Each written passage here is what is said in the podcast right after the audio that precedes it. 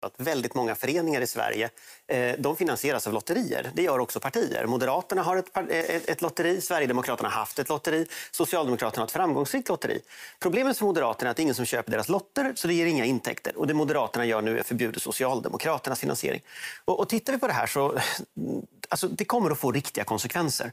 Om vi bortser från de här hittepåsiffrorna som snurrar och tittar på årsredovisningen för Socialdemokraterna så var det 27 miljoner förra året som var säga, överskottet som man fick från de här lotterierna. Och vad får det för konsekvenser? Menar ja, det, det motsvarar ungefär en tredjedel av personalen på Socialdemokraterna. För SSU, det är inga 40 procent som hördes i det här inslaget, det är ungefär 90 procent. Det betyder alltså att vad, vad, vad, Moderaterna nu driver fram det är att man slår sönder Socialdemokraternas partiorganisation. Och det kan göra ett tankeexperiment. I ett annat land, om vi hade hört den här nyheten från Ungern eller Polen, att regeringspartiet går in med riktad lagstiftning för att slå sönder oppositionens eh, finansiering. Hur hade vi sett på en sån nyhet?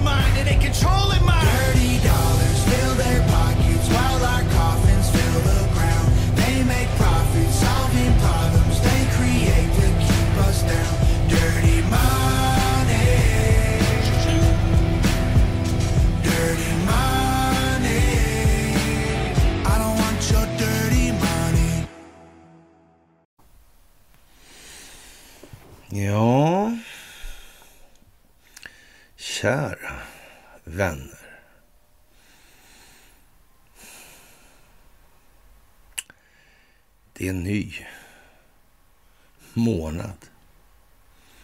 Sköna maj. Det är en ny vecka. Det är måndag. Mm. Det är ett folkbildningsprojekt. Vi kan nog börja bli eniga om det. Va? Jag tror det framgår. Det är inte så många som fortfarande tror att det här är saker som bara händer. Nej, det är nog inte det. Och backar man tillbaka lite så ser man händelser i ett eh, lite annorlunda ljus idag än vad man kanske gjorde, ja, låt säga, bara för något år sedan. Mm. Det är en förändrad bild av verkligheten. Det är en ny optik, bild bildning. Mm. Det är måndag den första maj 2023 och det är dags för ett, ja, ett måndagsmys. Ja, fantastiskt. Ja, det är otroligt faktiskt. Det är otroligt som alltid det största av tack för att ni utgör den förändring vi vill se i vår omvärld. Det största av tack för gåvor på Swish och Patreon. Det största av tack för att ni fördjupar er mm, på karlnorberg.se. Mm. Den går ju ända bak till finanskrisen där, ja. Just det. Mm. största tack för att ni hakar på Telegramtjänsten. Mm, underpoddarna. Wonderpods. Ja.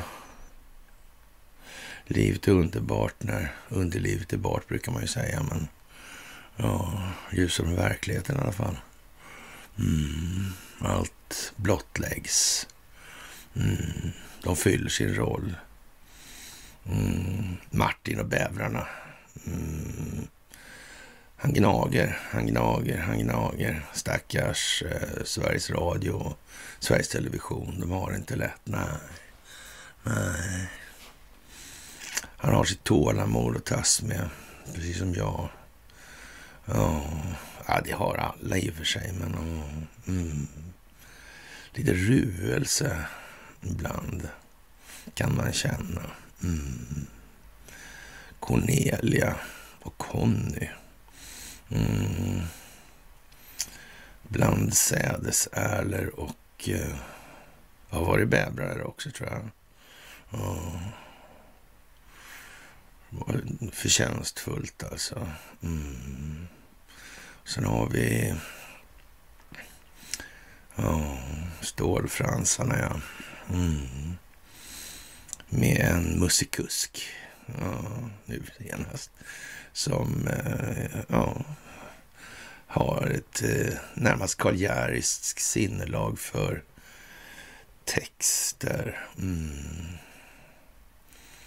Det är inte dåligt precis. Nej, det är det inte. Och vet ni vad? Imorgon kommer en ny. Mm, en sån där typ eh, Free People's Movement-variant. Den kommer vara rätt torr, saklig. Det är liksom kvintessensen av det som har berättats i mina ja, utsvävningar mina... Ja. hummanden. Det är humfritt. Helt jävla garanterat. Ja, det är som eh, hugget i sten med eldskrift, vill jag påstå. Mm, den serien kommer att avsluta en hel del diskussioner. Den kommer ligga på något som heter uh, att kompassen på Youtube. Mm. En orienteringsgrej. Det blir liksom lite grann slutet på alla de här diskussionerna om eh, ja, min person, eller vad vi ska säga. För jag är inte ens med i den där. Jag kanske omnämns någon gång sådär, men inte mer än så. Alltså. Mm. Men det är för att det här måste hålla olika tempo.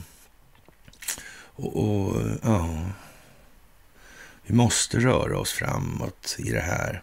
Vi kan inte stå stilla nu och inte ha fattat tillräckligt mycket när dörren åker in med karmar eller kanske hela väggsidan kommer in i det här landet. Man vet ju inte riktigt. Man kan ju ana lite grann att det är nog mer åt det hållet än en stilla försynt knackning om en förfrågan på dörren. Jag vet inte. Nej. Mm. Ja, konstigt det här. Men det är imorgon, eller det kommer komma upp så det syns ordentligt. Mm. Som sagt, det här är speciella tider. Och det gäller att sy ihop det här nu alltså. Ända från längst fram till längst bak. Mm. Och nu har vi väl nått ungefär så långt som vi behöver i den delen. Det är inte så mycket diskussion om vad egentligen slutadressen är på färden. Nej, nej, det är det inte. Och nu gäller det att bygga ut vägen lite grann så transportleden blir snabbare, lite enklare. Det finns tillräckligt många gatlyktor längs vägen nu i alla fall. Mm, ljuset så att säga belyser vägen. Ja, I verkligheten. Så är det. Och ja, Ukraina-konflikten. Och han är mycket speciell den här eh, Medvedev, ja, Dmitri. Han var ju atlantintegrationist från början. Mm. Då får man tänka på då att för att sjösätta det här projektet överhuvudtaget, för att det ska gå att genomföra, Ja, då måste man ju ha koll på underrättelsetjänster och såna här grejer. Man måste kanske ha en upparbetad kommunikationsväg för koordinationen. Mm. Some of all fears, ja. En backchannel i allt det här. Mm. Hela det här trasslet med Ukraina verkar vara... Hur länge hade Ryssland lyssnat på Sen, sen 2007, ja. Ja. Kan de ha koordinerat det här med någon annan då kanske? Om de hypotetiskt alltså har en sån här backchannel. Kan det vara så? Ja, det skulle kunna vara så i alla fall. Helt säkert skulle det kunna vara så, ja. Mm. Ja. Konstigt. Han säger så här nu. Äntligen måste vi lämna tillbaka alla våra länder. Skydda allt vårt folk för alltid. Vi kommer att arbeta hårt för detta, säger Medvedev till eh, ja, eh, i en intervju häromdagen, eller igår, eh, vice ordförande i ryska säkerhetsrådet. Frågan uppstår omedelbart vilken typ av länder som är våra. Svar. Vårt territorium ligger inom Sovjetunionens gränser enligt internationell rätt efter andra världskrigets resultat. För att kunna återlämna det eh, som är vårt måste vi kräva att Sovjetunionens kollaps och unionens republikens tillbakadragande från det är olagligt. Mm. Hur är det här egentligen med de här? Vad gick det där ut på, den här kollapsen? Vad var huvudsyftet med den? Mm. Det måste väl ha varit... De, för det som hände var ju att det vart ju... Eh, ja, sån här riktig likplundring alltså. Ja, det var massor med oligarker och såna här grejer. Mm. Och det kanske måste till. Det kanske måste till. Kanske den här backchanneln där alltså. Nu är det inte röda linjen kanske som är så lämplig för det. Nej. Mm. Om ni tittar på slutet på den här Sum of All Fears som slutade gå i går kväll klockan 24.00 på Netflix enligt uppgift. Jag har inte kollat om den finns kvar idag, men det sades så. Eller jag fick ett meddelande om det i alla fall. Mm. Vad kan det här bero på? Vi tjatat lite om den här under rätt lång tid här nu. Mm. Konstigt. Ja, det visade sig i alla fall att den här före detta KGB-chefen, han har haft kontakt med CIA-chefen hela tiden. Och under arbetsnamnet Spinnaker. Mm. Ja, vind i seglen. Mm. Och ja, och då kommer i alla fall frågan, säger Medvedev här, huvuduppgiften som skisseras av eh, honom då lösas. Alltså, ett förödande nederlag kommer att tillfogas alla fiender. Ukronasis, USA och deras undersåtar i NATO. Ja, avnazifiering. Det var någon klocka med där i, i tidigt i filmen där, tror jag. Det var väl någon sån här nazist som, ja, någon sån ja, som var där. Mm. Gamla krafterna bakom nazismen verkar komma upp här. Mm, ja, det är tur att Sverige absolut inte har någonting med det att göra eller haft något. Ja, det här korset, Tyska örnens stora kors. Som, men det var väl han Ford som fick det, var det någon annan som också fick det menar jag. Det minns jag inte. Mm. Jo, nu kom jag på, ja, just det, visst ja. Ja, ja. Det var ju konstigt, ja. Avnazifiering pratar man om. Biokemlabb. Framställning av kärnvapen kanske. Mm.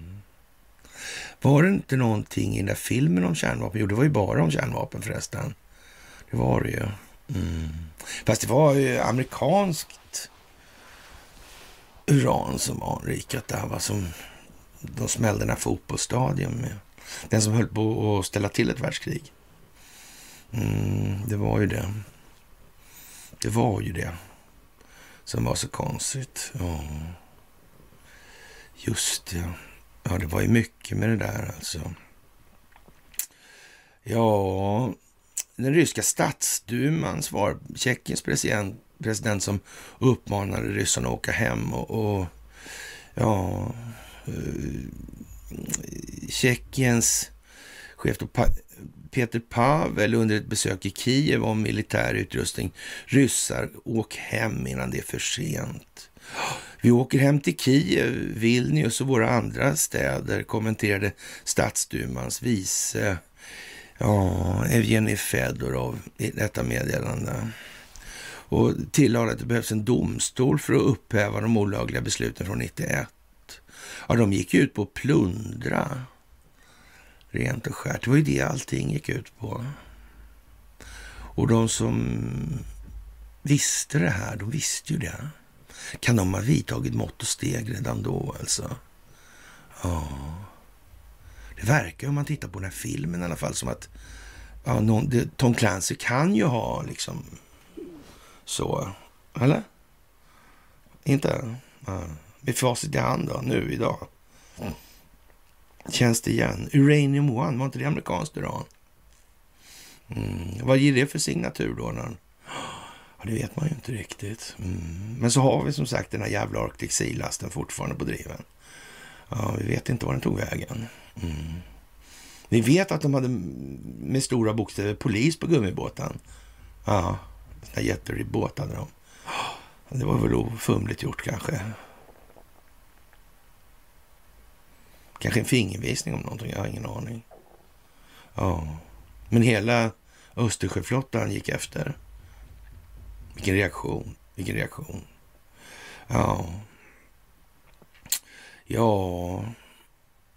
Och nu säger ja, Medvedev att ja, vi måste nog backa på den där processen. Mm. Ja, det är ju förargligt alltså. Och i det här finns det ju såna här experter då. Ja. Anders Åslund. Han känner ju några. Kolomojski till exempel. En eh, nazijude. Ja, det är ju konstigt. Verkligen konstigt alltså. Mm. Carl Bildt känner han också. Han känner folk på Atlantic Council, han känner folk på Brookings Institute, sådana som Robert Kagan. Gift med hm, Victoria Nolan. Vad hade inte Robert Kagan en farsa förresten också? Ja. Verkar gå bak i leden där. Det är samma figuranter. Mm. Det är rena jävla eh, successionsordningen på det här alltså. Ja, varför då? Varför måste det vara så? Eller måste det inte vara så? Varför är det i så fall så då? Det var så konkurrensutsatt så bra så det blev så ändå. Eller? Ja, ja det får man ju fråga sig. Alltså. Anders Åslund är lite sur på Jeffrey Sachs för han är, ju lite tvär på systemet nu, Sachs där. Sachs, ja. ja. Det är som Daniel. Ja. Expo. Ja. Open Society Global. Ja, vad konstigt. Men Jeffrey är nog lite längre ifrån, tror jag, än vad Daniel är. Ja, det är han nog.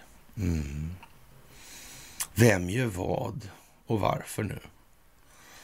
Ja. Är eh, Åslund sådär, på allvar, är han på riktigt sur på familjen Sachs? Ja, innerst inne är han nog säkert det, tror jag. Mm. Men å andra sidan så de har haft olika erbjudanden i det här, det är helt säkert. Mm. Att någon av dem skulle gå för helt för egen maskin utan regi. Nej, de är inte högst upp i näringskedjan. Absolut inte. Inte ens nära. Nej. Nej.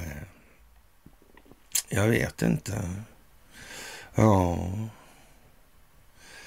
Han är numera bäst känd för sitt hat av USA-hegemonin sax, alltså. Mm. Och hans kärlek till totalitära regimer i Ryssland. Skriver en finne. Mm. Jag vet inte om det är så smart. Ibland verkar det precis som att Finland har glömt bort att det ligger där det ligger landet i fråga. Ja. Och så vitt det börjar bli känt nu så verkar det ha varit lite si och så med den finska självständigheten sen, ja, låt säga Bo Jonsson Grips dagar. Ja, det verkar lite så va. Mm. Kan det vara därför som det var de här grejerna med Ryssland mot Finland i det här? Kan det vara eh, en svensk fråga egentligen? Kan det vara så att ja, Finlands sak är vår just på grund av den anledningen? Mm. Kanske någon har räknat ut det. Det vet man ju inte. Det kan man ju inte veta sådär. Nej. Ja. Ja. Mm. Demokrati och mänskliga rättigheter, det är ju våra stora paradgrenar. Mm. Svenskt. Ja. Men det är nästan eh, ja, luddigheten inkarnerad. Mm. Ja. Det är fantastiskt alltså. Mm. Undligt alltså. Och den ryska ambassaden i Helsingfors meddelar att det bilaterala samarbetet med Finland har förstörts. Den ryska ambassaden eh, säger att de bilaterala förbindelserna med Finland nästan eh, är omintetgjorda alltså mot bakgrund av landets inträde i Nato. Och det här rapporteras av Isvestia. Mm, konstigt. Kanske inte finnarna eh, tänkte på det. Mm. Kanske Sanna Marin tänkte på det. Mm. Vad märkligt. Vad märkligt, ja. Mm. Kanske det behövs att Finland är självständigt. Det här myglet som hålls på med hela tiden. För Finland är ju trots allt en republik. De har ingen jävla kung. De har inget sånt där märkligt rättssystem med folksuveränitetsprincip. Nej, Just det. Och, och trots allt ligger det eh, eh, nära det forna Sovjetunionen eller Ryssland. Mm. Jag vet inte. Det känns som någon har utgjort en springande punkt i all den här utvecklingen under väldigt jävla lång tid alltså. Ja, det gör ju det. Fantastiskt alltså. Ja. I praktiken när Helsingfors gick med i alliansen hade basen för det en gång så nära och ömsesidigt fördelaktiga bilaterala samarbetet mellan våra länder ja, nästan helt raserats. Ja, vad konstigt alltså. Av ansträngningar från den finska sidan. Mm. Ambassaden angav att handeln och de ekonomiska relationerna minimerades redan 22 eftersom de finska myndigheterna gjorde det så svårt som möjligt att göra affärer med Ryssland, bland annat genom att ansluta sig till EUs sanktioner. Kunde inte de räkna ut det, Finland? Att det skulle bli knöligast för dem som ligger närmast.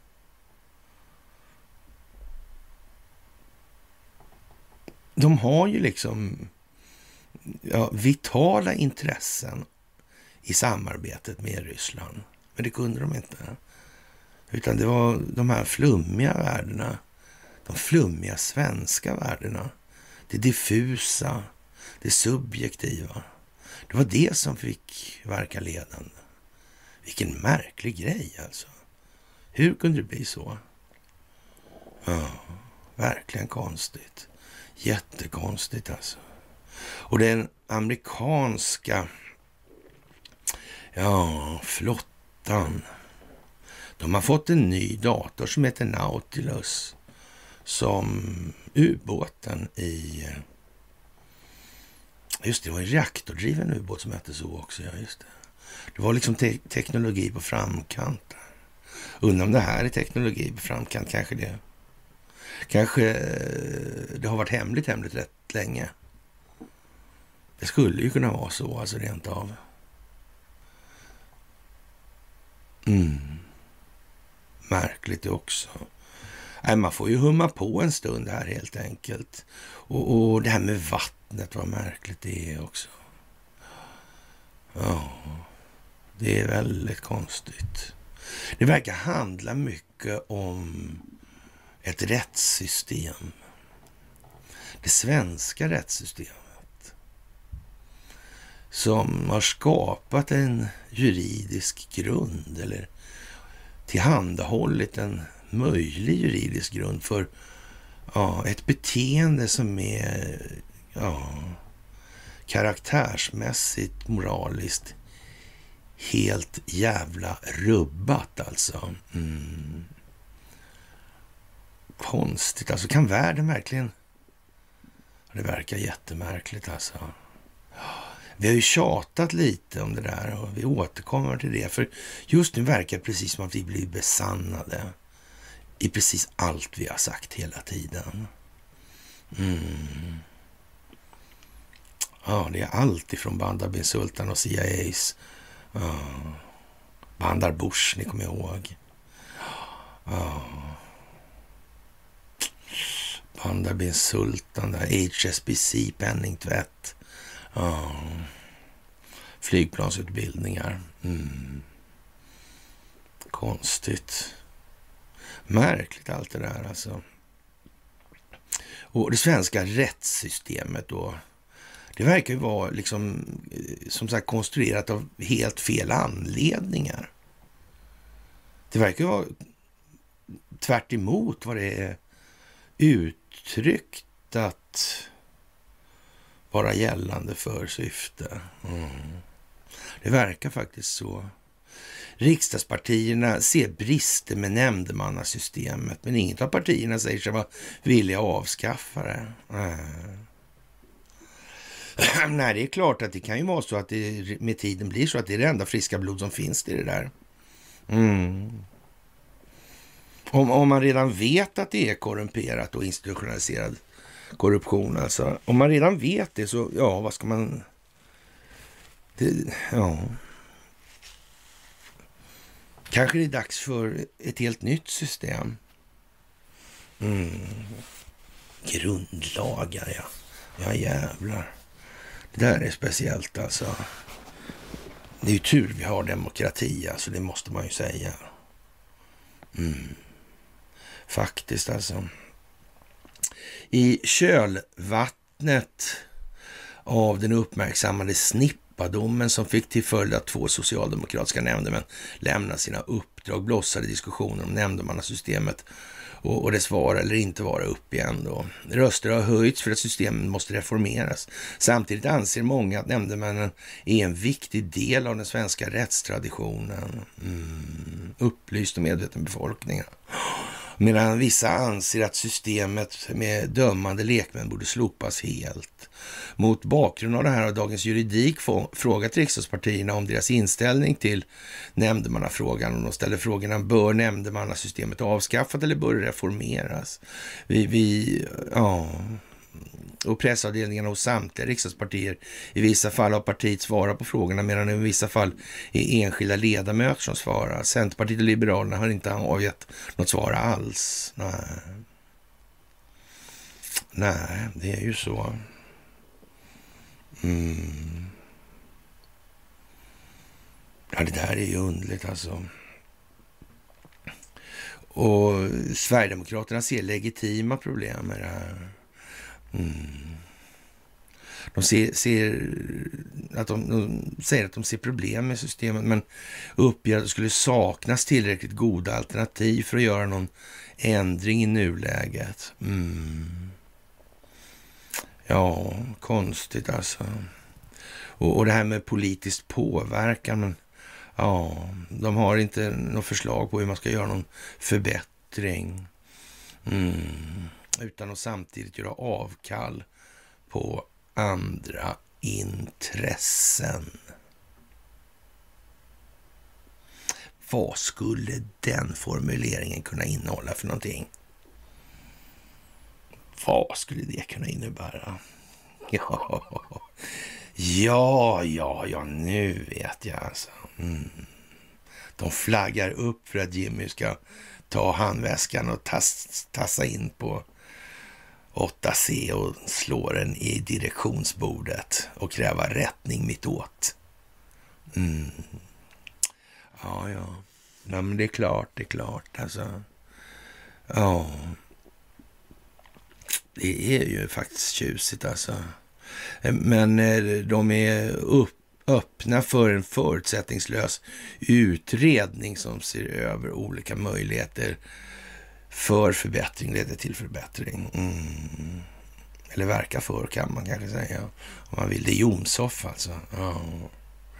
ja, jag vet inte vad vi ska säga om det där. Det står ju där det står. Liksom. Vad har vi för problem egentligen i botten på det här? Det har vi sagt det någon gång tror jag. Det har någonting med ekonomin att göra. Det har någonting med det valutafinansiella systemets mm, väl och ve att göra, skulle man kunna dra det till i det här läget. Ja, faktiskt. Ja. Det där är ju lite tjusigt faktiskt. Ja. En del i utredningen bör vara att noga undersöka hur partipolitiken har påverkat den dömande verksamheten. Ja, det kan man ju tycka är speciellt kanske. Mm. Faktiskt. Ja, det är Miljöpartiet, ja. Mm. Jag vet inte. Polsk riksdag, sa man ju. Ja, de drabbades av den svenska syndafloden. Mm. 1648. Undrar om vi kommer tillbaka till det idag? Mm. Majblomman. Mayflower. Mm. Men det var inte 1648, det var 1638. Mm. Mm. New Sweden, ja. Mm. Konstigt. Ja, det verkar liksom ändå Det är i alla fall konstigt hur det vävs samman. Det är nästan mystiskt. Man har svårt att... Nej, det har man ju inte. Man har inte så svårt att göra det här längre. Nej, det är inte alls svårt faktiskt. Det är enkelt. Och som sagt, återigen, det blir lite kompassutdelning imorgon. Mm. Det kan vara bra. Och, och, vi börjar så att säga så att vi stänger dörren ordentligt i det här. Mm. Nu är det färdigdiskuterat helt enkelt. Mm. Så får det bli. Ja, och, och, på temat av det här med införande av maktdelningsprincipen. Så det kommer vi tillbaka till, för det är nämligen så att det här kommer upp nu av någon underlig anledning. Vi har tjatat om det här med så att säga att den ja, verkställande och dömande och lagstiftande makten som tre grenar ska hålla koll på varandra. Alltså det är som tre dimensioner.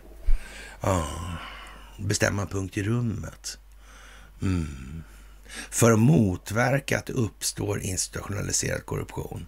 Men nu har ju inte vi det i det här rättssystemet, utan det här bygger ju på något som heter folksuveränitetsprincipen alltså. Mm all offentlig makt utgår ifrån folket och ja, vad ska man säga? Eh, ja, man säger ju inte att man ifrån politisk sida emot frihandel, om vi säger som så. Vad som sen händer med landet, ja, det är ju vad det är då. Mm. Ja, så liberalt kan man ju säga. Och Elsa Widding lämnar Sverigedemokraterna och, och ja, man får väl nästan säga att eh,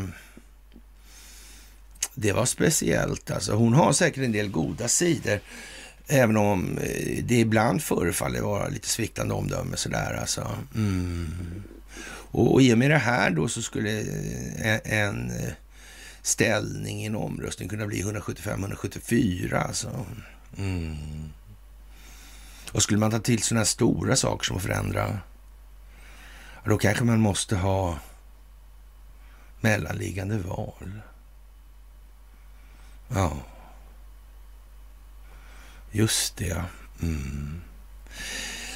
I ett klipp på Youtube säger vi i alla fall att man som politiker förväntas hålla tyst om de viktigaste och mest livsavgörande frågorna. Vad kan hon mena med det egentligen? Veding valde in, valdes in i riksdagen förra året. Nyligen fick hon kritik för att hon deltagit på konferens tillsammans med kända vaccinmotståndare, klimatförnekare och personer med, som relativiserat förintelsen. Ja, det är väl inte det egentligen som är det stora problemet med det där gänget som hon umgicks med där, utan ett av de stora problemen med de där, det är väl eh, så att säga vem som har finansierat vad och varför i de här sammanhangen. Mm. Och det här måste ju också kristalliseras ut, koka ner, destilleras ner till sin kvintessens alltså. Mm. I samband med det här så riktade utbildningsminister Mats Persson, Liberalerna, kritik mot Widding. Widding visar prov på ett kunskapsförakt som inte anstår en eh, riksdagsledamot. Mm. Mm. Ja, det ska man nog inte säga till henne eh, i den meningen tycker jag. För när det gäller en del frågor så, mm, ja, energi till exempel, verkar hon väl skickad att hantera och, och, och Ja, miljö kanske hon också är lite hemma på. Ja. Och ja, det är allvarligt att ge stöd till konspirationsteorier om klimat, vaccin och förintelsen. Hon måste nu visa att de står upp för vetenskap, säger utbildningsministern på Twitter. Och det kan man väl eh, möjligtvis ha synpunkter på i det här. Men för, för det är väl så att någon finansierar forskningen och betalar forskningsanslag och ger eh, direktiv i de här sammanhangen. Mm. Lite grann som en oberoende svensk utredning till sin ja, form och funktion kanske rent utav. Ja, ja, vad ska man säga? Elsa Widding säger att hon har blivit utsatt för en smutskastningskampanj från ledande företrädare för Liberalerna och att Sverigedemokraterna inte valt att kommentera frågan i media. Nej, men vad konstigt. Men tystnaden talar sitt tydliga språk. En gräns har nu passerats, säger Widing i videon på Youtube som hon delade på Twitter. Elsa Widing kommer att sitta kvar i riksdagen som politisk vilde. Jag upplever däremot att jag har ett starkt stöd hos väljarna och inte minst hos de som personkryssat mig, säger Elsa Widing vidare. Widing har, har uppgivit att hon avser att rösta i linje med Sverigedemokraterna i kommande viktiga voteringar. Mm, viktiga kan ju vara eh, ha en anstrykning av subjektivitet hos individen då, kan man tänka. Ingen är ju Gud. Nej. Ja, enligt Sverigedemokraternas gruppledare ja, Linda, Linda Lindberg så ja, kommer det här att gå finemang alltså. Mm. Hon kan ju inte gärna säga att det kommer gå åt helvete. Nej. Nej, men hon kanske vet Mm. Ja. Hur som helst så respekterar man Elsas beslut men beklagar samtidigt att de valt att gå den vägen som det starka gemensamma röstpartiet utgör. Så hoppas vi att Elsa väljer att lämna sin plats i riksdagen till förmån för någon som företräder Sverigedemokraterna, skriver Lindberg i ett mejl till TT. Tidöpartierna har idag en knapp majoritet alltså. Mm. Jag vet inte om det är inklusive eller exklusiv. Jag räknade med att vara exklusiv alltså. Och då står det 176, 173 nu. Mm. Och så byter de, möjligt byter de då eftersom de här viktiga frågorna. Mm. Det lämnas ju lite för det. Ja, det där är energi och klimat, ja. Mm. Som sagt. Mm. Men det måste bli tydlig optik alltså. Det måste bli en uppenbar bild. Det måste bli självklarheter. Mm. Så är det. Ja, och dagen till ära, första maj. Demonstrationstågen väller fram från Norra Bantorget. Hundratusentals människor har gått man ur huset. Mm. Tänk hur många år de gick och skränade i de här tågen. Och så hade de Saltsjöbadsavtalen i ryggen. Men nej, inte blåsta. Nej, nej, nej, nej. Absolut inte. Nej, nej, nej, nej, nej, nej. Investor fattar aldrig att det var billigare att avlöna en fackföreningsledare mm, än hela lönekollektivet. Ja. ja, där ser man. Där ser man. Det där med makt alltså. Ja, undligt alltså. Och den kanske största nyheten idag, det verkar vara så att man har släppt på lite vatten alltså i, i norra Donetsk, Donbasskanalen där alltså. Och vattenblockaden som Kiev har haft där, den har avslutats. Mm.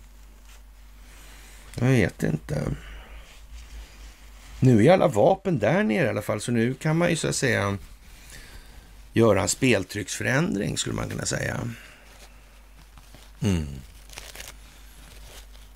Det skulle man ju kunna med fördel göra, ja. Och nu har det ju krånglat till sig för Finland också. Det har ju Ryssland sagt. Mm. Arktiska rådet, var inte det någonting? Den här passagen över Norge och norra Ryssland bort till Asien. Den är lite kortare. Ja. Ja, vem vet alltså. Om det skulle bli ett samarbete på riktigt, då kanske man skulle kunna bygga en järnväg där också. Det är ju ett projekt som heter duga, men... Mm. Strategiska naturresursflöden, ja. Mm. Jag menar längdsträckningen på Transsibiriska järnvägen, den är ju som den är också. Så man kan till och med bygga lite längre idag. Men man kanske ska inte ha, eller man kanske inte ska ha svenska geologer inblandat i det här. Den här gången. Och, och man kanske kan med fördel då ja, göra så att man har en och samma spårvidd längs hela sträckningen. Inte som man har på Transsibirien. Det var ju så konstigt med de där. För man, det var de här geologerna sa att markhålligheten, markhållfastheten i marken alltså, krävde att man hade olika spårvidder. Och sen fick man ju lära sig då på militära skolor att de var ju så jävla imbecilla i Ryssland så de hade inte ens likadana spårvidder på rälsen alltså. Nej. Ja, det verkar jättekonstigt det där alltså. Ja. Hm. Men det var aldrig säcken kom på, sig. det var aldrig någon som hade tänkt på det där. Det var ingen i Sovjetunionen som upptäckte att det var så här. Någonsin ens. Och som förstod att det här skulle man ju fan aldrig komma åt. Det här sitter ju liksom i själva grundstrukturen. Vem fan var det som... Ja... Grundlade liksom den sovjetiska industrialismen. Han hette Henry, har jag för mig. Ja, han fick också sånt där jävla örnkors, va? Ja, det fick han ju. Just ja, jag sa ju det nyss. Ja, jo, det, jo, det fick han ju. Ja, ja han lämnade aldrig tillbaka det heller på anmodan. Nej, inte från eh, Tyskland då, utan nej, det behövde han liksom inte på något vis. Var Det inga... Nej, konstigt. Hur fan var märkligt alltså alltihopa. Men det är inte planerat.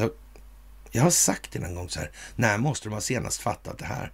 Ja, man kan ju då lite raljant säga då att det, har de inte fattat det 31, då förtjänar de den skit som kommer alltså. Eller vi. Ja, det var väl i princip så det blev. Ja, det tar lite tid att resa sig ur det här nu då. Mm. Men som sagt, Some of all fears med Clancy. Det ger en pusselbit, eller ger flera pusselbitar ja, i det här. Ja, det gör ju det. Ja, teknologiska landvinningar, forskning. Mm. Ja, tänk om någon jävel sitter på facit på massor med grejer. Ja. Kanske gammal kunskap. Ja. Men då, om det var så, då skulle ju någon ha lagt sig vinn om att dölja den verkliga historieskrivningen och se till att fabricera någon annan variant i de här sammanhangen, tror jag. Och det har ingen gjort ju. Nej. Eller, eller jo, jo, förresten det har de ju gjort. Ja, men varför då? Om allting är frid och fröjd. Mm. Ja, Lise Meitner där. Men hon var ju inte liksom, hon var inte på pallplats riktigt. Nej, äh, var hon inte flyende judinna. Snuva Adolf Hitler på jordens största kraft. Konstigt alltså. Augusti. 45. Mm. Ja, det var underligt. Mm, Expressen var det, ja. Mm. Ja, man vet ju inte alltså. Det är väldigt märkligt alltihopa det här. Ja. Och nu visar det sig att kineserna verkar eh, smått intresserade av att, att köpa Electrolux. Kina, hade de någon erfarenhet av den här typen av grejer? Fanns det inte en sån här hundraåringen som försvann och såna grejer? Man inte, träffade inte han Mao och såna här prylar? Ja. Men, och, och de skrev något avtal där, va? 1907. Det här, de här årtalen som jag håller på med hela tiden, de verkar ju liksom... Ja, de kommer liksom tillbaka. De kommer liksom tillbaka. Och nu börjar de dyka upp också i MSM. Alltså. Mm. Det börjar låta jallarhornet om de här årtalen också. Vad märkligt. Det blir liksom ett tvång till slut. Ja. Folk såg andra saker och kunde lägga ihop och det blev obestridligt, vissa förutsättningar helt plötsligt. De blev helt obestridliga. Ja, och då blev de tvungna att släppa ja, för att skademinimera istället. Då. Och sen kan de inte hålla emot och sen kan de hålla emot ännu mindre. Och, ja, det är bromsarna som släpper på något vis. Alltså. Ja, och mindre förlust än väntat för Electrolux och de är så nöjda och glada. Ja. Och det kinesiska elektronikföretaget Midea undersöker möjligheten att köpa Electrolux, uppger Blomberg. Mm. Electrolux, ja. Det var han som fick skulden för hela nazistäventyret mer eller mindre. Uh, Axel Wennergren. Mm. det där var märkligt. Southern Cross, ja. Hette det inte så, hans båt? Den låg väl där nere vid Häringe. Ja, gammal Vasaborg förresten. Mm. Mm, väldigt fint där, är det. Ja. Och ja, men det är ju liksom en, någon sån här liten eh, pärla i alla fall. Men, ja, en ädelsten i Smaugs rustning höll jag på att säga. Men... Mm. Electrolux. Investor. Mm. Verkligen konstigt alltså. Mm. Ja. Dagens Industri har varit i kontakt med Investors informationsdirektör Viveka Hirdman Rydberg som eh, Ryrberg till och med, som, som, skriver att vi avböjer som alltid att kommentera rykten och spekulationer. Ja. Hirdman, hade inte Sverige en ambassadör som hette det också? I Ryssland? Mm. Är de släkt? Eller känner de varandra? Man vet ju inte. Man vet ju inte riktigt. Mm. Det verkar ha gått till sig ordentligt på olika håll alltså. Det här måste ha varit planerat extremt lång tid tillbaka. Mm. Det måste det ha varit. Absolut alltså. Och Erik Glad med två A, alltså en svensk journalist och programledare, Glad i P3s inrikespolitiska reporter eh, och medverkar frekvent i Morgonpasset P3 och Eftermiddag i P3. Han, tidigare var han tillsammans med Hanna Hellqvist och Samir Yusufi programledare för helgprogrammet P3 Hemligheter. Mm, står på Wikipedia. Mm. Och han jobbade åt Expo också tidigare. Nu vill inte eh, Sveriges Radio kännas vid det här överhuvudtaget. Eh. Men eh, Martin har fått för sig att han ska gnaga på det där benet. Jag vet inte varför.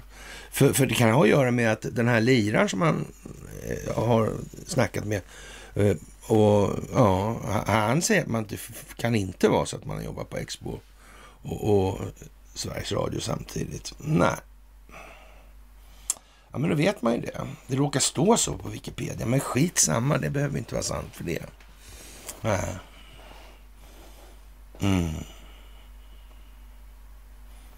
Och han poängterar noga att Sveriges Radio, de ägnar sig inte åt åsiktsregistrering. Vad sa han, liberalen om Ebba Widing? Eh, eh är det någon form av åsiktsregistrering att hålla på sådär? Man får, inte, man får inte ha de åsikter man vill alltså. Nej. Man måste hålla sig liksom inom boxen. Det förstår man ju nu alltså. Mm. Alla viktiga frågor, de fick man inte prata om. Eller inga viktiga frågor fick man prata om. Ja, det kan ju bli svårt det där. Och, klara sig ur det där, vill jag påstå. Och Martin gjorde nog det här, om det här igår också till och med. Och, eller det gjorde han. Och det är ju vad det är nu det här och ingenting annat. Och, och jag tror de flesta kan se liksom ja, kontrollsamhället. Ja. Mm. Och så har vi WHO då som vill stänga ner länderna igen i en kommentar. Och det, nu ska vi inte vara så här liksom eh, naiva, tycker jag längre. Jag tror vi har kommit så långt i det här, faktiskt. Man måste börja bli lite säkrare på och, och ja, Tillit, alltså tro på sin egen intellektuella förmåga att dra slutsatser och räkna ut saker som inte nödvändigtvis står som innehållsförteckning. Nej. Mm. Ja. Och Epoch Times då. Ett erbarmligt grundlagsförslag. Ja, vad ska man säga? Man skulle kunna tro att man har suttit och snokat på bloggen när man läser den här. Då. Mm. Kanske det här kan råda bot på en svensk författningsmässig sjuka att nära nog konstant vara in och rota i grundlagarna.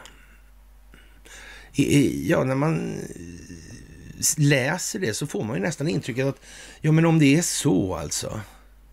Är det inte något fundamentalt fel i systemet då? Kan det vara eh, så att det handlar om det svenska rättssystemet egentligen och att eh, det här är skapat med ett uppsåt att verka för enskilda vinstmaximeringsintressens gynnande framför den befolkning som inbillat sig att det här är någonting som ska verka för befolkningens bästa ur ett långsiktigt perspektiv.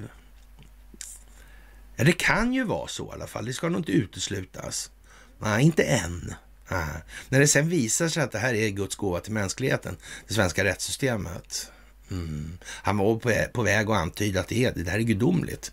Ja, mm, Robert O'Brien, alltså den en tidigare nationell säkerhetsrådgivare mm, i USA. Ja, jag vet ju inte. Ja, i 1809 års regeringsform gjordes 389 ändringar vid 42 tillfällen. Eh, 1974 års regeringsform hade 2009 redan ändrats 38 gånger. Ja, Jämför man med här, det här med USAs grundlag, eller den amerikanska konstitutionen, den har sedan 1789 fått 27 tillägg. De tio första är dock den rättighetskatalog som antogs 1791 och som utlovats under kampanjen för att få grundlagen ratificerad. Men mer rättvisande är att säga att USA har ändrat sin grundlag 17 gånger på drygt 230 år. I Sverige ändrades grundlagen i snitt mer än två gånger per år, medan den amerikanska endast, endast ändras drygt sju gånger per sekel. Mm. Man kan nästan ana att det ligger argan list här bakom alltså. Hur var det om man tittar på det historiska perspektivet? Vad hände? Ja, de är ju parallella med Högsta domstolen, det har vi ju konstaterat. Ja, det har vi gjort alltså. Men införandet av Högsta domstolen, det, mm, ja, hur var det här? Och så var det, någon, det var en förutsättning. Var det något, och, och det här, ja, de här som eh, låg bakom det här och 1809 och allt det här. Och, ja. ja, de var väl inte till någon ringa omfattning kopplade kopplade till det här spektaklet Maskeradbalen, va? Nej, det var de ju inte. Nej, vad konstigt. Mm. Just det, och Gustav han hade idéer om inte bara skimrande dagar, utan han hade väl idéer om ja, monetärmekanik rent utav alltså. Och de där blev väl kvar sen, va, de där stålarna i, i omlopp. Men då får man tvungen att plocka in dem på något vis alltså. Det var då den här svåra missväxten dök upp samtidigt som hjälpte till, så gick det inte åt så mycket pengar. Vad tur man inte kunde något med inflation på den tiden. Mm.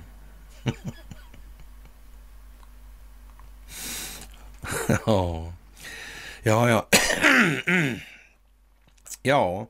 Eh, I Sverige ändras alltså grundlagen i snitt mer än två gånger per år, medan den amerikanska endast ändras drygt sju gånger per sekel. Och det handlar ju någonstans här om att man måste ju få in syftet med det här. Det måste vara liksom klart. Vad, vad, vad är så lagstiftarens tanke i det här? Och, och, nu är det ju snart ingen som kan hålla reda på det här längre. Äh. Det, det är bara så alltså.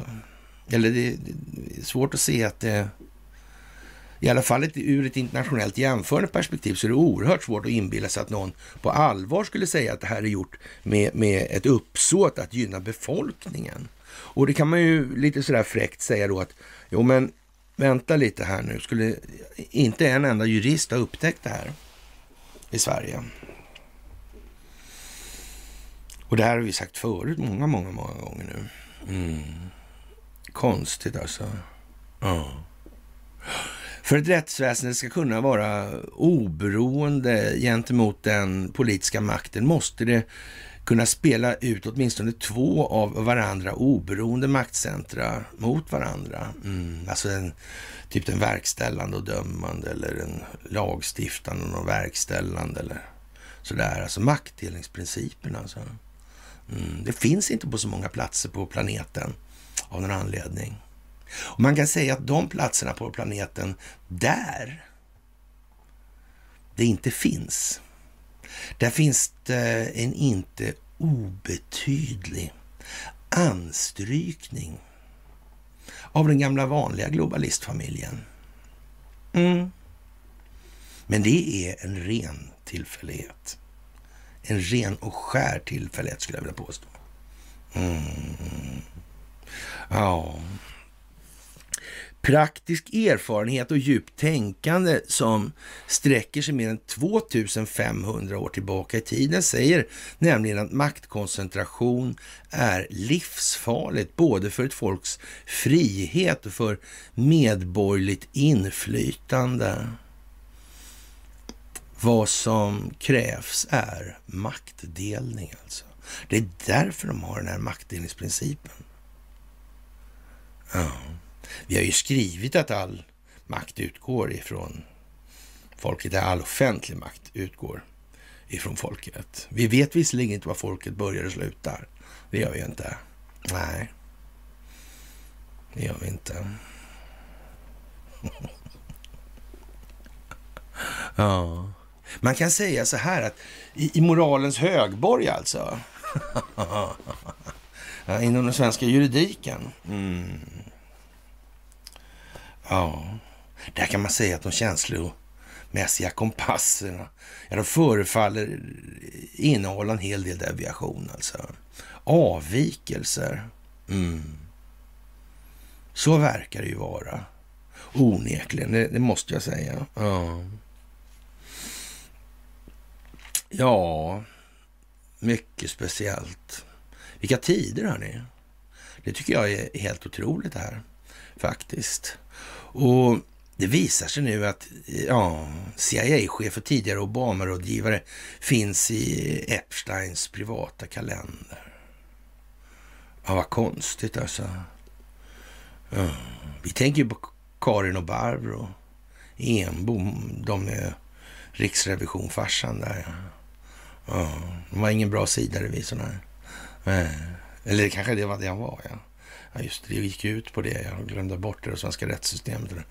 Ja, vad syftet var med allt det här. Mm. Ja, och om eh, Finlands sak är vår och Norges sak är vår. Och, och, vår sak bygger på vårt rättssystem. Då i en eller annan omfattning så lär det färga av sig då. Ja, ja. Så lär det bli, ja. Mm. Så lär det bli. Mm. Ja. Och den sexbrottsdömde Jeffrey Epsteins privata kalender visar att han hade inbokade möten med en rad prominenta personer, däribland den nuvarande, den nuvarande CIA-chefen, rapporterar Wall Street Journal. Mötena var planerade 2013 till 2017 efter att Epstein suttit i fängelse 2008 för sexbrott mot en tonåring. Mm hållhakar och uh, underrättelsetjänstkollektivets orientering mot den fria marknaden och öppen konkurrens och såna här grejer. Alla får utpressa om de vill och kan. Det kanske inte, nej. nej. Kanske inte, nej, just precis. Och, och CIA, ja. Mm. Ja, vad ska man säga nu egentligen? Det verkar gå ihop lite grann alltså. Och ja, tidningarna har kommit över dokument som bland annat visar att William Burns, den nuvarande CIA-chefen och, och, tidigare vice utrikesminister under Barack Obama hade tre inbokade möten med Epstein år 2014. Ja. Hm. De pysslar inte med hårlagsbusiness då kanske? Han var där och vänstergängade lite för sig själv bara. Ja. Mm, underrättelsetjänsterna vet ju inte att det finns där med hållhaksbusiness. Det är det. Mm. Jaha. Jaha.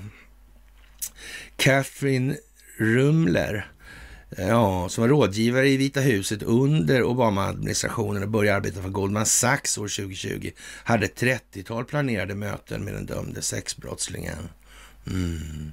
Enligt dokumenten hade även forskaren och författaren Noam Chomsky och forskaren Leon Boothstein möten med Epstein. Vid mötena mellan Chomsky och Epstein ska även den tidigare israeliske premiärministern Ehud Barak ha deltagit. Och den israeliska underrättelsetjänsten hade faktiskt inte en aning om att Eh, ja, den israeliske premiärministern tyckte om att förgripa sig på små barn, så de lät honom helt enkelt eh, ja, begå de här övergreppen. och ja, De tyckte inte det var olämpligt och det skulle skada Israel i stort överhuvudtaget. Nej, det tror jag inte.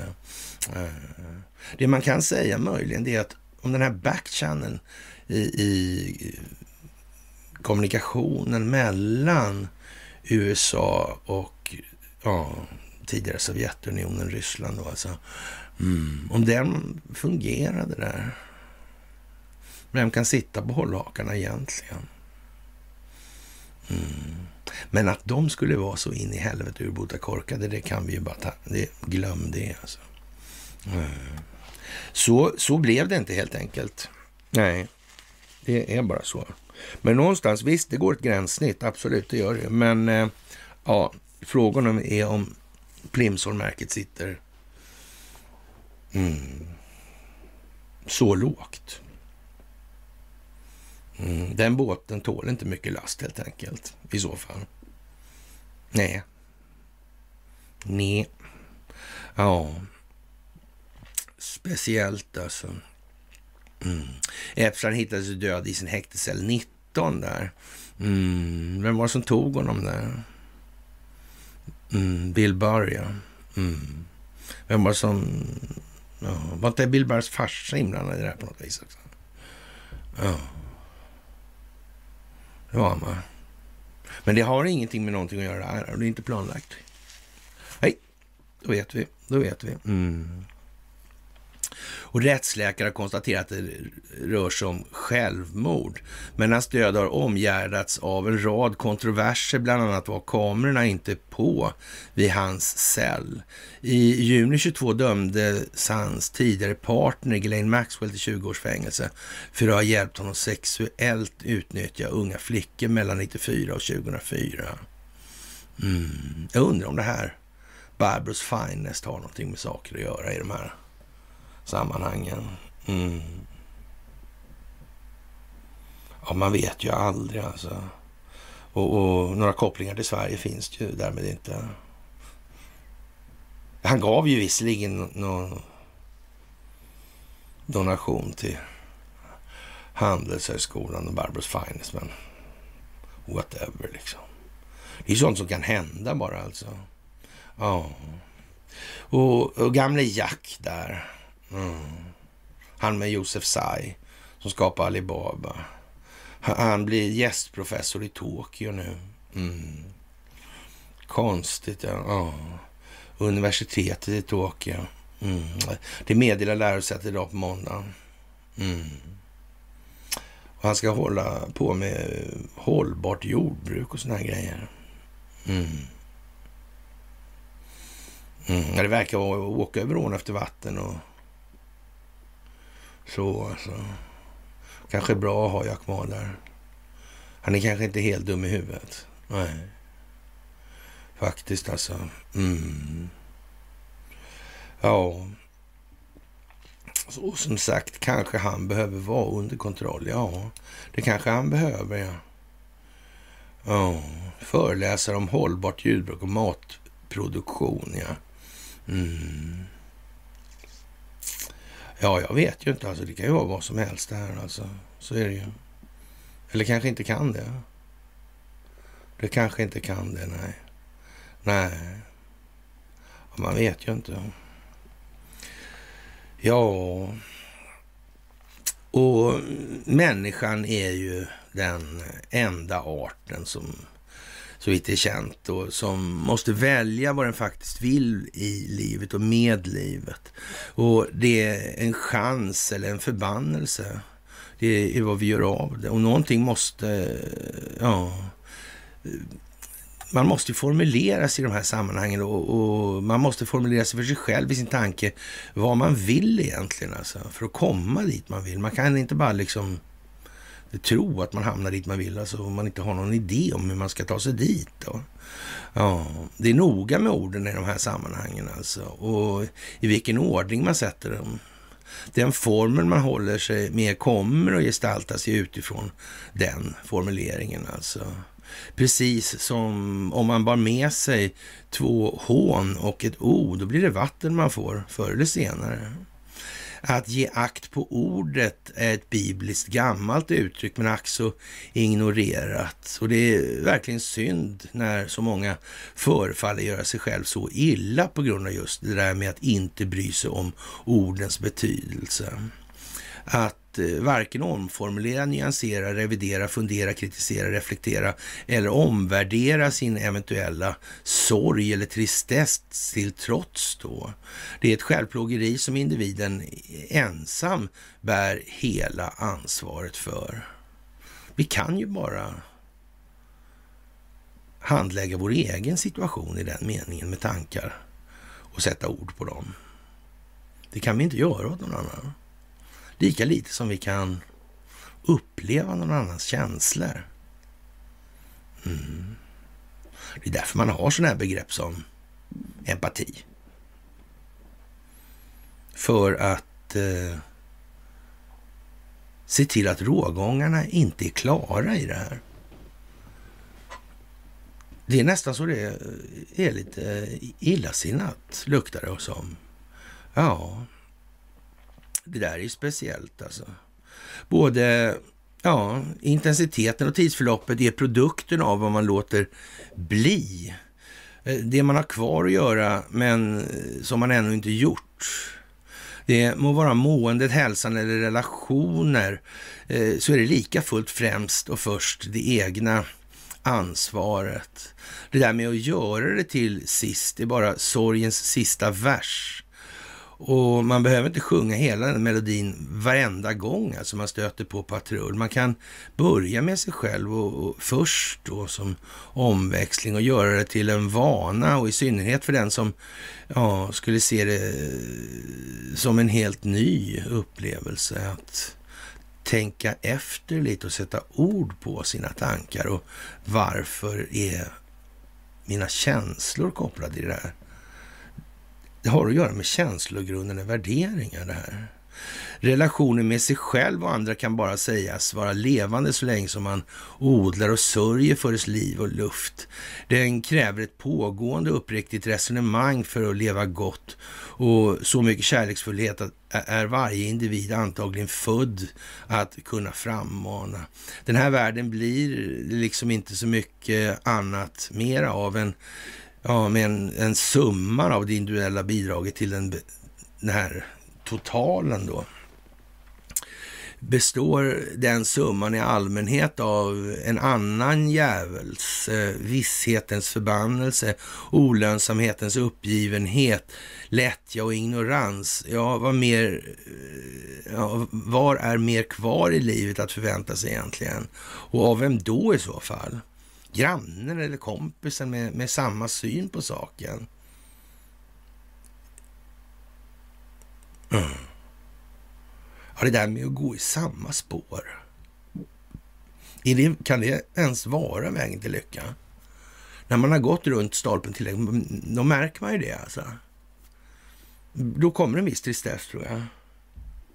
I alla fall ser det ut att föreligga en viss risk för det. Det tror jag. Ja.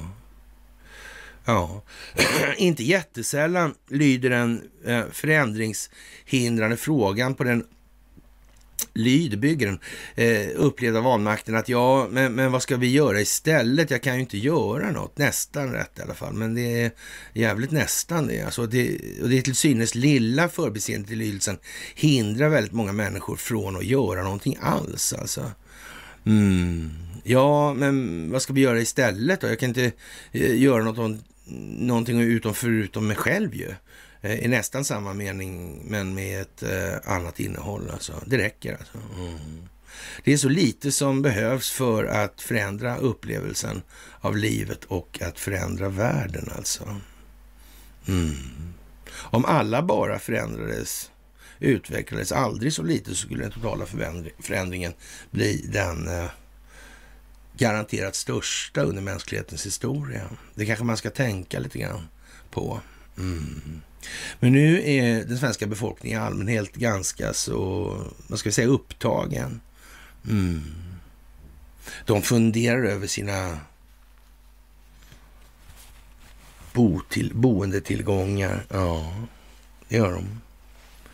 Ja, hur går det här egentligen? Ja, det går fantastiskt. Nu märks räntehöjningarna också bland välbestådda hushåll. Vi hör, ja, vi, vi, hör från kunder att de vill byta bostad för att komma ner i lånkostnader. Alltså. Det här på Lidingö alltså. Ja. Mäklare, räntan pressar till flytt på Lidingö. Då är det så att säga långt gånget i leden helt enkelt. Ja. Mm. Ja. Går det att göra någonting åt det där då? Nej. Systemet är skuldmättat. Det är pengarna som havererar. Mm. Hur ska jag rädda mina pengar? Ja. Då har man ett stående Nobelpris. Garanterat. Mm. Det är principvärdet på pengar som havererar. Mm. Principen bakom pengarna som går sönder. Och det bygger på förtroende. Det förtroendet är förverkat. Men det är alldeles för skrämmande än så länge. Mm. Ja. De flesta människor är inte själsligt förmögna nog att ta den tjuren vid hornen. Det kan man inte säga. Vi är inte framme vid att de ens resonerar i termer av att ja, var och en i sin egen lyckas smed här. Det var förresten herr Persson som hade skrivit den där. Mm. Ja. Det var ju det. Michael Ray Corey, han, ja, han är på Ericsson nu. Han ska vittna inför senaten. Ja, vad kan det mynna ut i? Mm. Han börjar tjata om att det här valfusket. Han säger så här att de, de kontrollerar varenda ledning i hela transmissionssystemet. Hela transmissionskedjan alltså. Ja. Ja, det var ju det där med Telia. De hade ju några kablar har jag hört. Ja. Just det. Och sen var det växlarna. Mm. Ja. Jo, men om de har mutat Isis och det dör amerikanska, undrar om de har fuskat med valen då? Ställer han lite retoriskt frågan. Ja, det kan man ju fråga sig faktiskt. Jag vet inte. Ja, de har inte samma fina rättssystem överallt i alla fall. Det har de inte, det har inte gått igenom riktigt. Nej. Som sagt, ja, det är speciellt ja. Ja, det är ju lite sådär. Mm. Och den här Ann Wanderstil, ja. Mm. Konstigt. Det verkar som att det inte är riktigt det här med... Eh, ja, de svär sådana här eder och, och grejer där. Mm.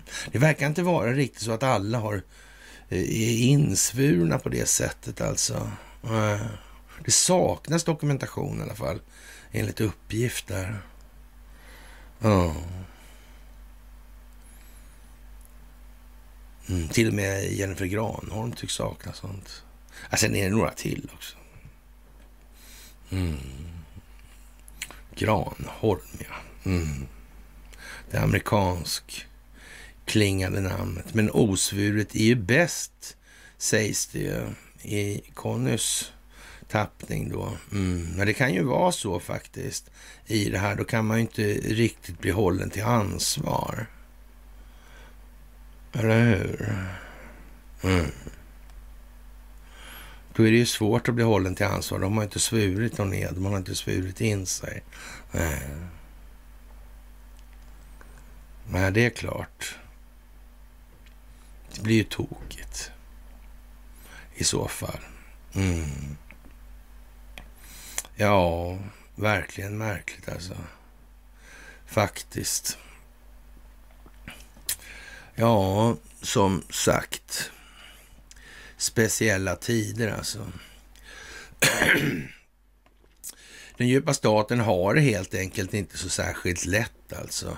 Och man kan inte tänka sig att sanningen ska komma ut. Så den, eh, ja man gör som man alltid har gjort och det förvärrar bara situationen och utvecklingen för den djupa staten själv.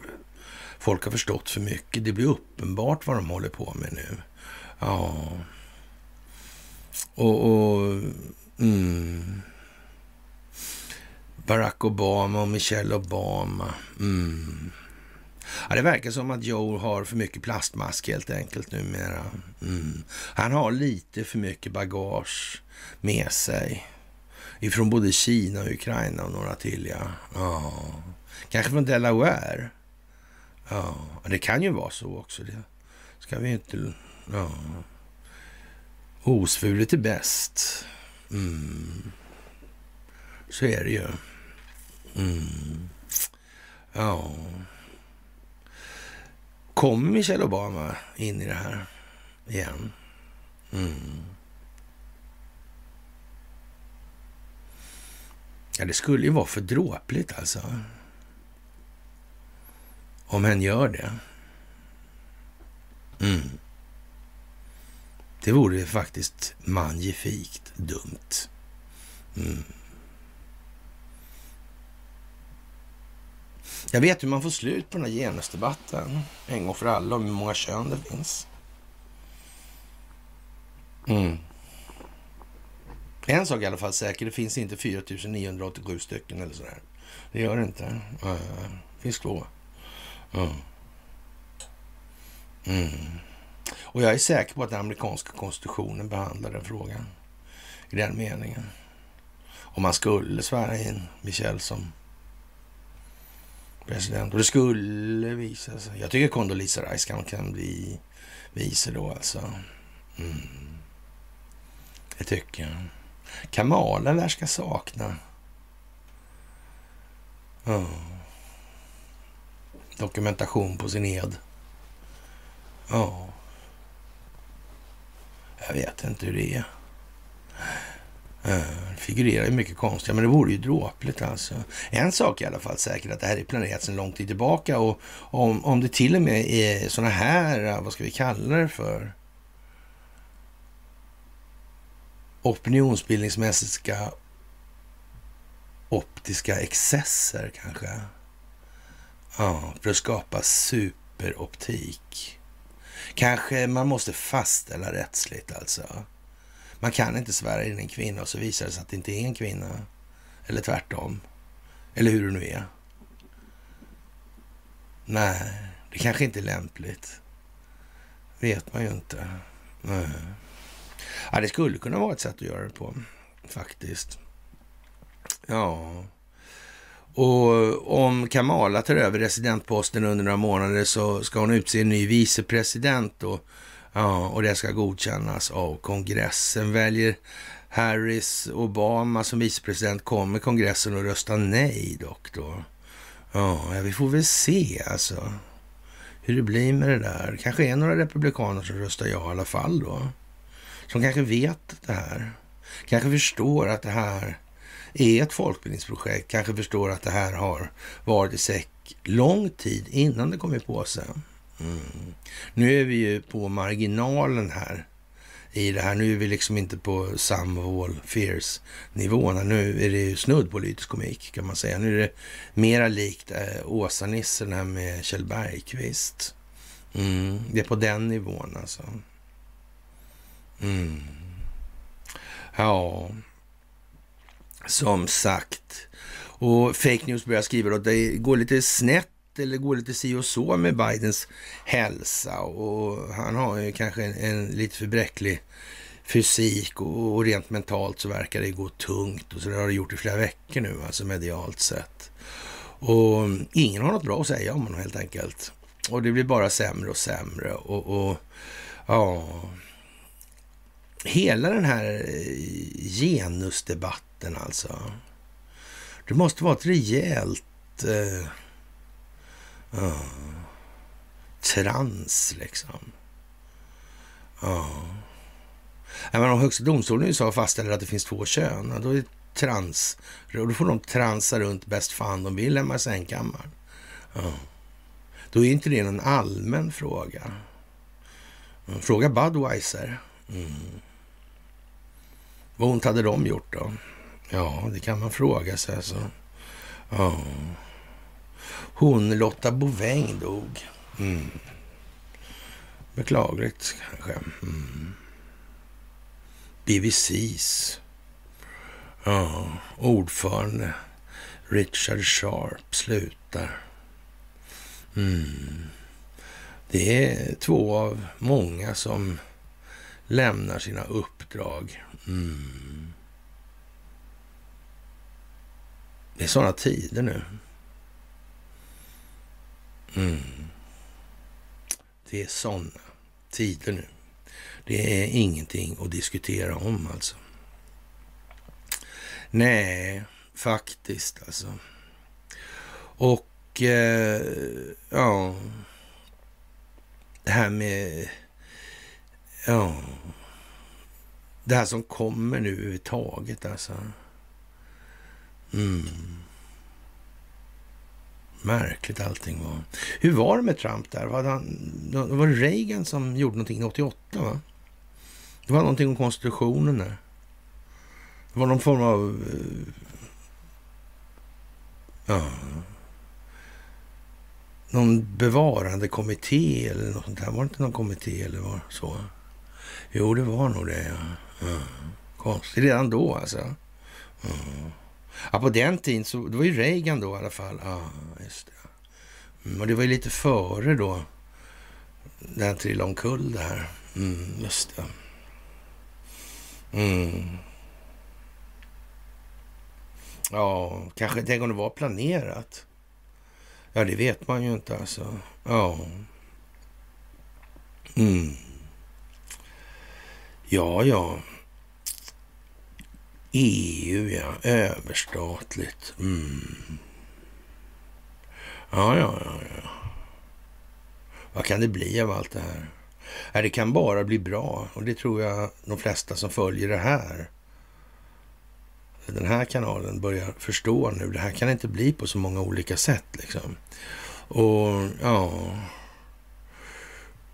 Mm, Israel klagar nu på den amerikanska administrationen som tar vapen som är ämnade för Israel och sänder dem till Ukraina.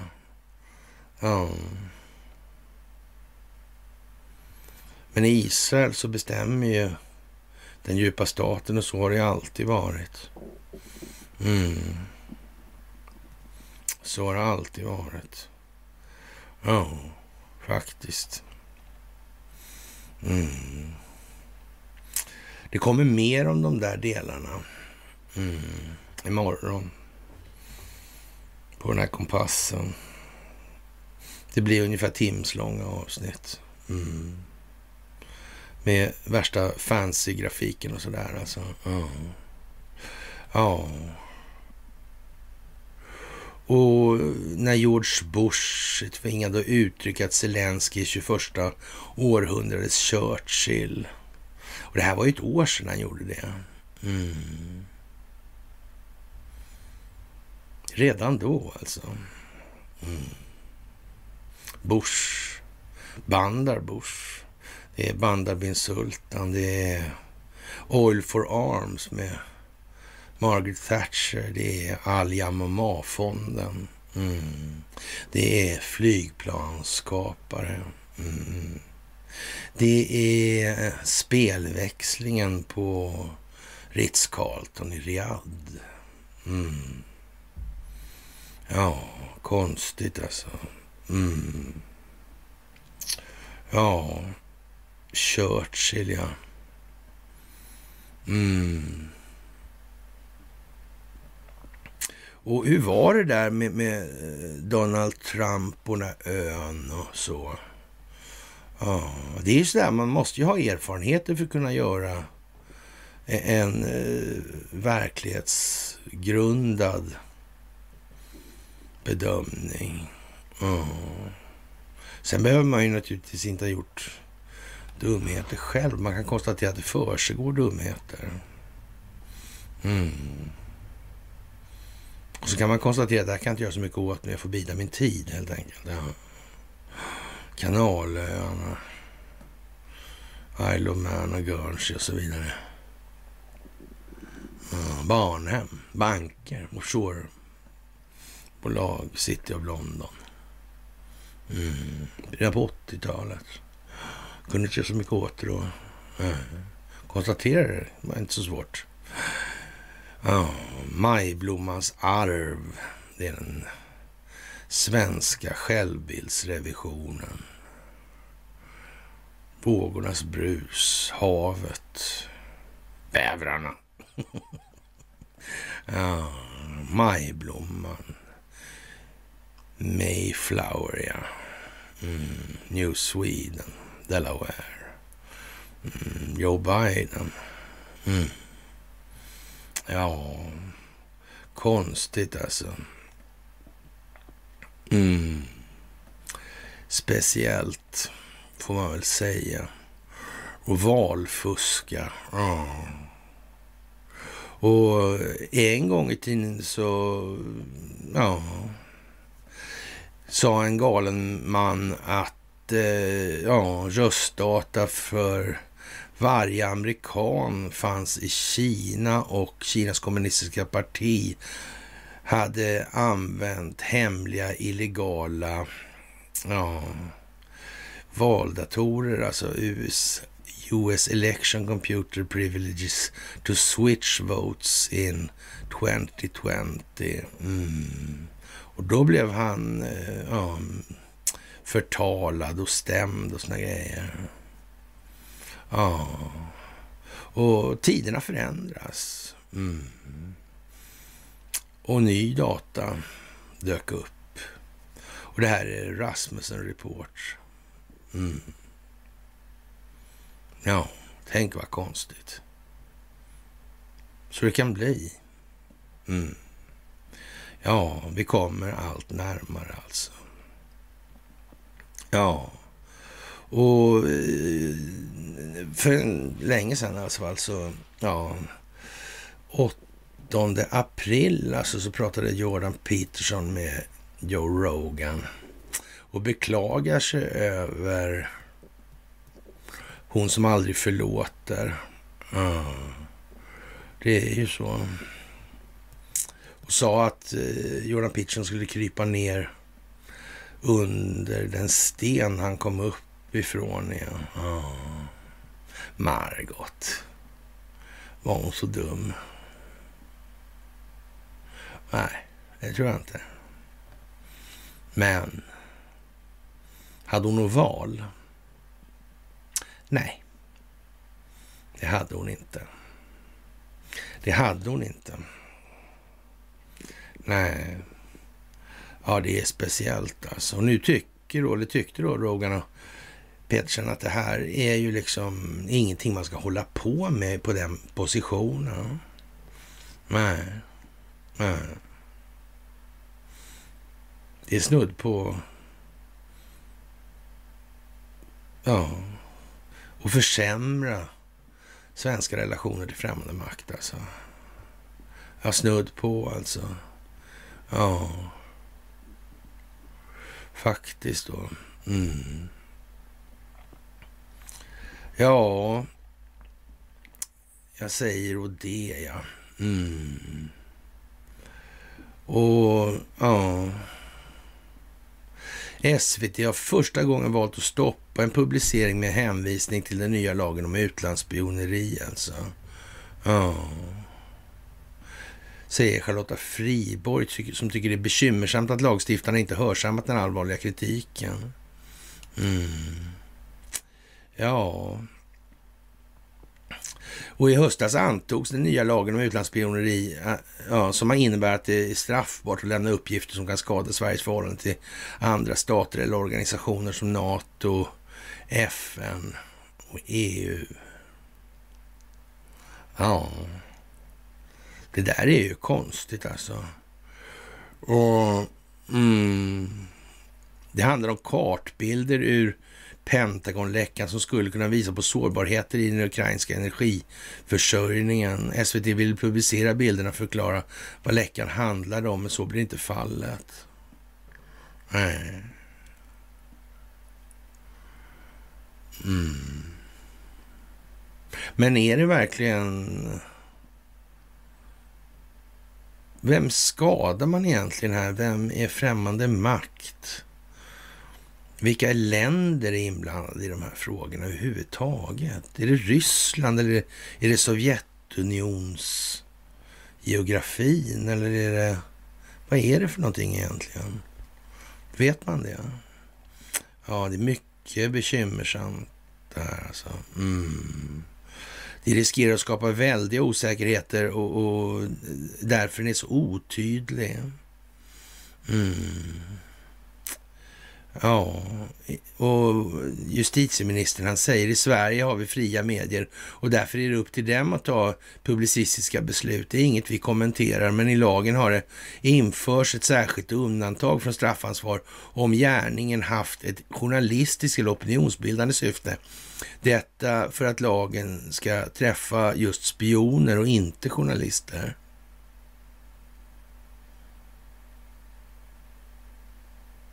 Mm. Man kan alltså erkänna att det inte är sant det man skriver.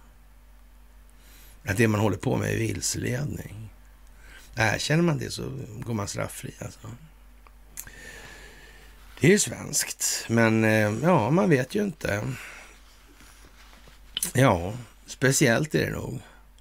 Och Kina tar nu ställning officiellt alltså och tycker att George Soros är ja, ingen ärans skitstövel utan bara en skitstövel helt enkelt. Och man kallar honom för global terrorist och säger att han är ja, Satans son och den mest ondsinta människan i världen. Mm. Ja, jag vet inte. Han ligger ju rätt bra till hos Annie Lööf och Carl Bildt. Har jag för mig. Ja. Ja. Ja, det är ju speciellt ändå alltså. Ja. Det där är lite trevligt faktiskt. Och Röda Korset har landat i Sudan. Vet man det egentligen? I Ukraina har man inte sett röken av dem i alla fall. Röda Korset, ja. Mm, det är en sån NGO-grej det där. Mm. Mm. Lite kreabvarning på det nästan då, faktiskt. Mm. Ja, det verkar speciellt. Det verkar speciellt. Och som sagt, det här med när Erik Glad och mm, SVT, Sveriges Radio, Expo, mm, FOI, en salig blandning. Vad, vad sa kineserna om Soros? Vad sa Open Society Global om finansieringen av Expo? Och så vidare. Är det här liksom, det är ju som ett skämt.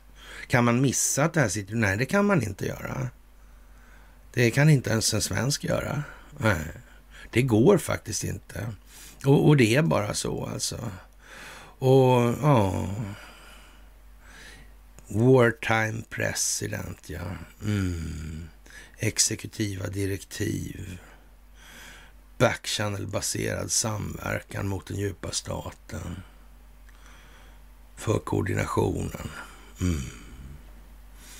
Ja, det verkar vara väldigt mycket som har hänt här alltså. Ja. Det är väldigt mycket. Mm. Ja, det är fantastiskt i alla fall. Det är helt fantastiskt. Det måste man ju säga. Och eh, ja, minuspris på elen igår.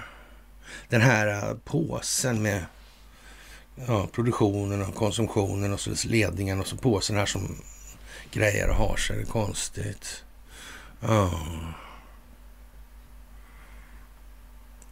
Varför prissänkningar? Är det då alltså ja, flytande negativ elprisinflation alltså? Ja, ni hör ju själva. Mm. Det är speciellt alltså. Och motoffensiven kan komma när som helst då, och målet är att skapa panik i Ryssland. Jo då, så kan det ju vara och Anders Lindberg får naturligtvis eh, ja, förklara sina lotter. Det ligger på hans lott numera. Mm. Det får man ju ändå säga är lite speciellt. Mm. De tvättar inga pengar. Nej. Det är inte som Mayflower, killen där. Mm. Det finns liksom flera meningar i allting också för säkerhets skull. Det är lite som Estonia. Nej, det var en ubåt. Och så finns det 37 olika varianter Jaha. Ja. Mm, det fanns både eh, ja, polisiär utredningspersonal, det fanns telekombolag och ja, Mossad-kopplade mm, halvpundare från Haninge. Ja, ja. Så kan det ju vara alltså. Mm. Driver räntehöjningar på inflationen? Ja, fungerar det här? Nu verkar alla experterna vara helt oeniga. De har 17 olika varianter på det här med vad inflation är. Alltså. Och, och ja, det är inte raketforskning det här alltså. Ja. Inflation brukar starta med, stor efter, med för stor efterfrågan alltså. Ja. För stor efterfrågan, ja. Mm. Och då upplever handlaren att den kan höja priserna alltså. Ja. Ja. Jaha, ja. Ja, jag vet inte. Det där med inflöde på pengar, jag vet inte. Och då kommer bara pengarna in där alltså. Mm. Jag vet inte. Man får säga som Robert Bergqvist i det här och han är en gammal trotjänare inom SCB och, och ja... Eh, det här är världsunikt. Vi har haft ett penningpolitiskt experiment med noll och till och med minusränta under många år. Samtidigt har centralbankerna agerat sedelpressar. Vi har inte hunnit göra bokslut efter det ännu, förklarar han. Nej. Så innan vi gjort det bokslutet börjar ett nytt experiment. Nu höjs räntorna kraftigt i stora steg i många länder samtidigt. Samtidigt står vi inför en klimatkris och, och lider av efterdyningarna från pandemin. Ja, och, och, dessutom har då Putin onda ögon. Det säger han inte, men jag vet att han menar det. Mm. Vi har inte modeller för att förstå vad som händer. Vi, vi, eh, ja, ja, vi förstår inte alltså. Nej. Vi behöver också förstå inflationens väsen, säger Robert Bergqvist och, och tar fram tekoppen och ska spå i tebladen efter alltså. Ja, det, det, är helt oklart hur det där kommer sig. Mm, det är svårt att förstå det där. Det ska vi veta allihopa. Eh, hjärndött, det är väl bara förnamnet eller? Mm. Ja. Och, och, man ska säga eh, ärligt här nu att eh, det här börjar likna jävla kalanka show alltså och ingenting annat. Det är ju tragiskt alltså, vill jag påstå alltså. Ja. Det skulle vara en mekanism som fungerar så, fast det är inte hela sanningen. Ja. Eh, det vi upplever nu påverkas av många saker. Räntan är bara en del. Eh, eh, den situation vi nu har är så mycket mer komplex jämfört med ett normalt konjunkturläge. Mm, det är en blandning av flera saker. En efterfrågechock och en utbudschock samtidigt, säger Robert Boye, chefsekonom på SBAB. Eh, snälla rara nu alltså. snälla, fatta det här nu som ett klart sken bara alltså. Mm. Vi kan inte behöva hålla på på det här viset alltså. Nej, nej, faktiskt. Ja. Och eh, det här med en Ja, det vore förödande för Ukraina om man misslyckas med offensiven. Ja, tänka sig alltså. Mm, fast nu har de ju satt på vattnet där igen och verkar inte så stridslystna i Kiev längre. Nej. Eh, det fanns ju en rolig film också med Zelensky. Var? Mm. Han säljer ut då. Mm. Summorna gick inte ihop sådär, men ja. Ja, fantastiskt alltså. Helt fantastiskt. Och som sagt, Ryska huset på Lidingö i, i ropet igen. Ja, Kriström advokatbyrå, ja. ja. Carl Bildt, ja. Han var inblandad i det där också. Mm, han var ju det. Eh, undra om, ja, Kocke Philipsson kanske kan bli inblandad i det där. Ja, kanske han kan. Det finns några fler kanske. Eh, ja, men den här, eh, vad heter han då? hm liraren där också. Och någon jävla fik. Jag vet inte fan hur det var. Alltså. Ja, det kanske finns fler grejer. Ja. Kanske finns fler grejer. Ja. Som sagt, eh, mm, speciellt alltså.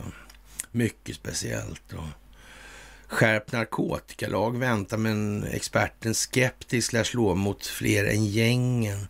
Ja.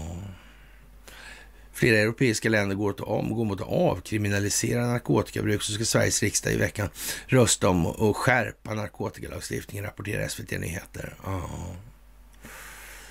ja, vad ska man säga? Den svenska befolkningen kanske måste, ja, vad har vi snackat om i, i Perssons artikel där? Ja. ja, det var ju så. Det var ju så, ja. Mm. Och, och Korn eh, verkar ju komma lite närmare verkligheten i och med att han har tappat bort eh, alla sina böcker och, och sådana här grejer. Bokföringen har han visst hittat igen. Men, ja. Det där var ju konstigt alltså. Mm. Som sagt, Corny har aldrig lyckats förstå en del saker. Andra saker har han förstått betydligt bättre. Och sen har han ju fått, jag vet inte hur det är med Corny egentligen. Mm. Det har alltid varit något väldigt konstigt. Det här är gamla grejer alltså, jag lovar. Verkligen gamla grejer. Ja, ja märkligt. Mm. Cloud Drive, ja. Ja. Molnet. Mm. Speciellt. Och de där pandorna som cirkulerar, som Scavino la upp. Ja. Seth Rich hade visst ett arbetsnamn som heter Panda. Ja. Panda Electronics finns det också ett. Ja. Cetric pysslar med Demokratiska partiets datorer. Panda Electronics pysslar med telekom. Ett samägande mellan kinesiska staten och Ericsson var det. Konstigt. Mm. Pandemisk fest. Mm. Som sagt. Oh. Stackars Anders. Han har det verkligen inte lätt nu alltså. Och i Sundsvall kör de kommunanställda tusentals mil privat, konstaterar man nu.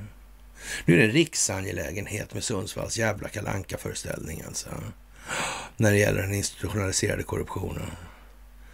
Det är ju vämjeligt, ta. Man kan blygt undra kanske hur fan befolkningen eh, regionalt står ut med att bli betraktad som eh, en komplett eh, ja, imbecill församling idioter alltså. Mm. Jag menar, det, det är ju liksom... Förr eller senare kommer ju omgivningen i landet upp uppfattar det som att vi måste göra någonting åt det där så inte den där skiten sprider sig. Det går ju liksom inte. Ja, sköt själv och skit i andra när det är så här. Det blir liksom inget samhälle. Och jag tror att de här typerna, eller den här typen av excesser, det måste fram för att folk ska förstå att så här kan man inte ha det. Nej, det är faktiskt så illa alltså. Ja, det är lite speciellt alltså. Och ja, när det gäller eh, det här med övningen som pågår nu och ända fram till den 11 så har en Calvert Worth, en bataljonschef för den här marinkårsbataljonen. Han säger att hans bataljon vill bidra till att stärka det kollektiva försvaret i Norden. Mm, den skandinaviska teatern brukar vi säga. Mm. Det är klart för spelväxling i den meningen. Flytt, förflyttning av speltrycket känns det lite grann som. Mm. Vi har klart och tydligt blivit varse om att våra svenska partners är väldigt, väldigt kapabla vad det gäller teknologi och kompetens, säger han. Worth låter sig inte lockas in Eh, på några närmare resonemang om marinkårens roll vid ett militärt angrepp mot Sverige. Likväl är kåren redo att kallas in om situationen kräver det, säger han. Mm. Det kollektiva försvaret är inte, vikt, är inte viktigt bara för europeiska länder utan även för USA, säger Calvert Worth.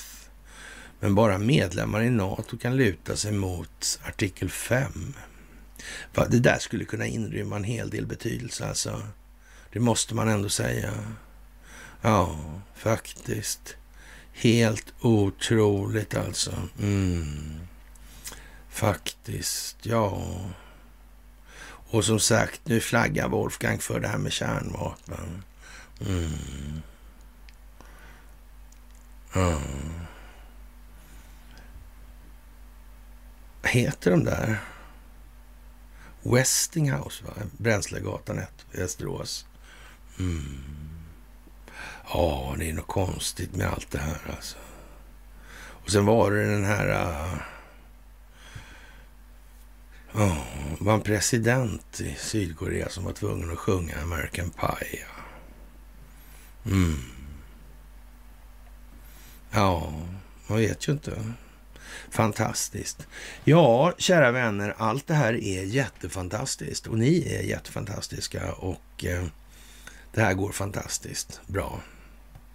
Och största tack för att ni är just de ni är just nu i verkligheten. Det är fantastiskt. Och med det så får vi väl konstatera att månaden maj har börjat tillika den nya veckan som kommer bli den mest händelserika veckan hittills i det här folkbildningsprojektet som bygger på en amerikansk stingoperation. Och eh, den i sin tur bygger alltså på den här koordinerade samverkan som sker mellan de länder som aktivt motverkar den djupa staten sedan lång tid tillbaka. Och de har en strategisk planering som är, ja, den är rätt så rejäl om vi säger så. Det är inte taget i underkant. Nej, och det är räknat ända till målgången med marginaler i omfallen också. Mm. Med det, kära vänner, så önskar jag er en trevlig första maj. Ja, det här med demonstrationer, det har vi ju sagt vad det är. Alltså, det är lätt att ställa till det helt enkelt. Ja, jag tror inte det har lett till så mycket heller med hänsyn taget till Saltsjöbadsandan helt enkelt. Nej, nej. Jag tror det var en blåsning rakt igenom, ja. Mm. Jag tror att eh, den enskilda vinstmaximeringen låg i botten på det här på något vis. Mm. Och allt ovanpå det var kosmetika. Mm. Jag tror det faktiskt. Ja, med det kära vänner så hörs vi senast på onsdag så önskar jag er en trevlig måndagkväll.